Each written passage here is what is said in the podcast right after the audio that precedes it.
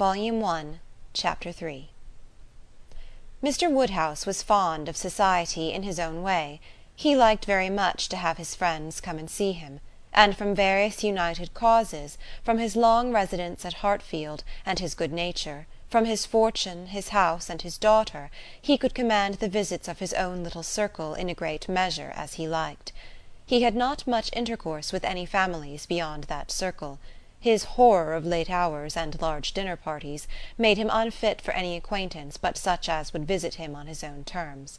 Fortunately for him, Highbury, including Randalls in the same parish, and Donwell Abbey in the parish adjoining, the seat of Mr. Knightley, comprehended many such.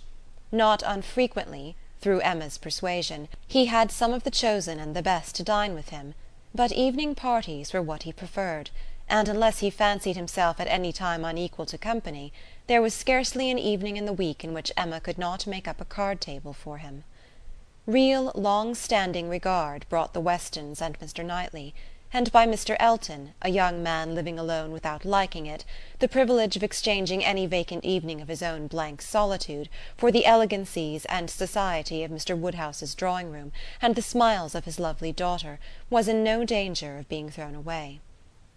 After these came a second set, among the most come at table of whom were Mrs. and Miss Bates, and Mrs. Goddard, three ladies almost always at the service of an invitation from Hartfield, and who were fetched and carried home so often that Mr. Woodhouse thought it no hardship for either James or the horses. Had it taken place only once a year it would have been a grievance. Mrs. Bates, the widow of a former vicar of Highbury, was a very old lady almost past everything but tea and quadrille. She lived with her single daughter in a very small way, and was considered with all the regard and respect which a harmless old lady, under such untoward circumstances, can excite. Her daughter enjoyed a most uncommon degree of popularity for a woman neither young, handsome, rich, nor married. Miss Bates stood in the very worst predicament in the world for having much of the public favour and she had no intellectual superiority to make atonement to herself or frighten those who might hate her into outward respect. She had never boasted either beauty or cleverness. Her youth had passed without distinction, and her middle of life was devoted to the care of a failing mother, and the endeavour to make a small income go as far as possible.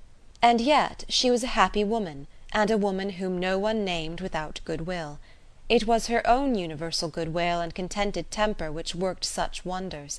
She loved everybody, was interested in everybody's happiness, quick sighted to everybody's merits, thought herself a most fortunate creature, and surrounded with blessings in such an excellent mother, and so many good neighbours and friends, and a home that wanted for nothing. The simplicity and cheerfulness of her nature, her contented and grateful spirit, were a recommendation to everybody, and a mine of felicity to herself.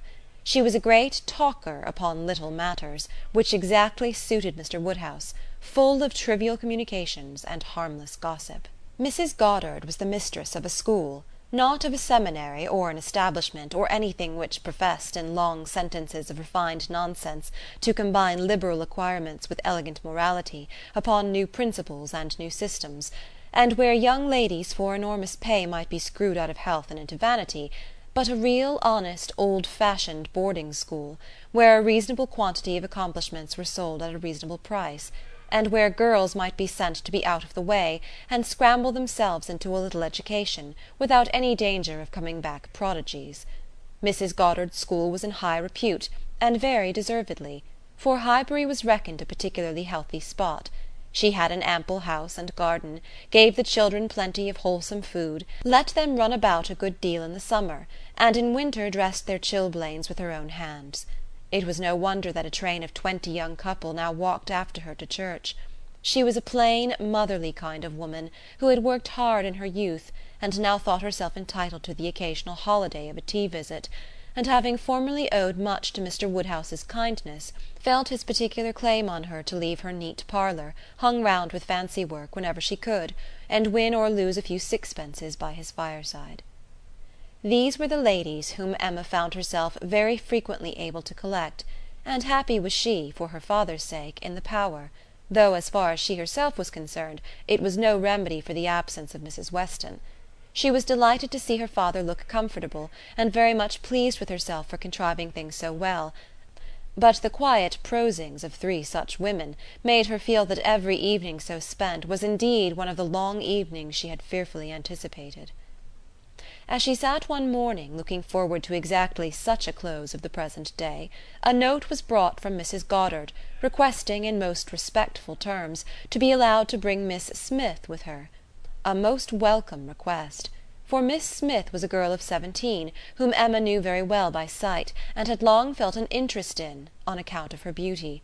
A very gracious invitation was returned, and the evening no longer dreaded by the fair mistress of the mansion. Harriet Smith was the natural daughter of somebody. Somebody had placed her, several years back, at Mrs. Goddard's school, and somebody had lately raised her from the condition of scholar to that of parlour boarder. This was all that was generally known of her history. She had no visible friends but what had been acquired at Highbury, and was just now returned from a long visit in the country to some young ladies who had been at school there with her. She was a very pretty girl, and her beauty happened to be of a sort which Emma particularly admired. She was short, plump, and fair, with a fine bloom, blue eyes, light hair, regular features, and a look of great sweetness, and before the end of the evening Emma was as much pleased with her manners as her person, and quite determined to continue the acquaintance. She was not struck by anything remarkably clever in Miss Smith's conversation, but she found her altogether very engaging not inconveniently shy, not unwilling to talk, and yet so far from pushing, showing so proper and becoming a deference, seeming so pleasantly grateful for being admitted to Hartfield, and so artlessly impressed by the appearance of everything in so superior a style to what she had been used to, that she must have good sense and deserve encouragement. Encouragement should be given those soft blue eyes, and all those natural graces, should not be wasted on the inferior society of Highbury and its connections. The acquaintance she had already formed were unworthy of her.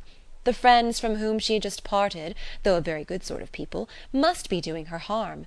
They were a family of the name of Martin, whom Emma knew well by character, as renting a large farm of Mr. Knightley, and residing in the parish of Donwell very creditably, she believed; she knew Mr. Knightley thought highly of them; but they must be coarse and unpolished, and very unfit to be the intimates of a girl who wanted only a little more knowledge and elegance to be quite perfect. She would notice her, she would improve her, she would detach her from her bad acquaintance and introduce her into good society, she would form her opinions and her manners. It would be an interesting, and certainly a very kind undertaking highly becoming her own situation in life, her leisure and powers. She was so busy in admiring those soft blue eyes, in talking and listening and forming all these schemes in the in-betweens, that the evening flew away at a very unusual rate, and the supper table, which always closed such parties, and for which she had been used to sit and watch the due time, was all set out and ready, and moved forwards to the fire, before she was aware with an alacrity beyond the common impulse of a spirit which yet was never indifferent to the credit of doing everything well and attentively, with the real good will of a mind delighted with its own ideas, did she then do all the honours of the meal, and help and recommend the minced chicken and scalloped oysters, with an urgency which she knew would be acceptable to the early hours and civil scruples of their guests. Upon such occasions poor Mr. Woodhouse's feelings were in sad warfare. He loved to have the cloth laid, because it had been the fashion of his youth, but his conviction of suppers being very unwholesome made him rather sorry to see anything put on it, and while his hospitality would have welcomed his visitors to everything, his care for their health made him grieve that they would eat. Such another small basin of thin gruel as his own was all that he could, with thorough self-approbation, recommend, though he might constrain himself, while the ladies were comfortably clearing the nicer things, to say Mrs. Bates, let me propose your venturing on one of these eggs. An egg boiled very soft is not unwholesome. Serle understands boiling an egg better than anybody.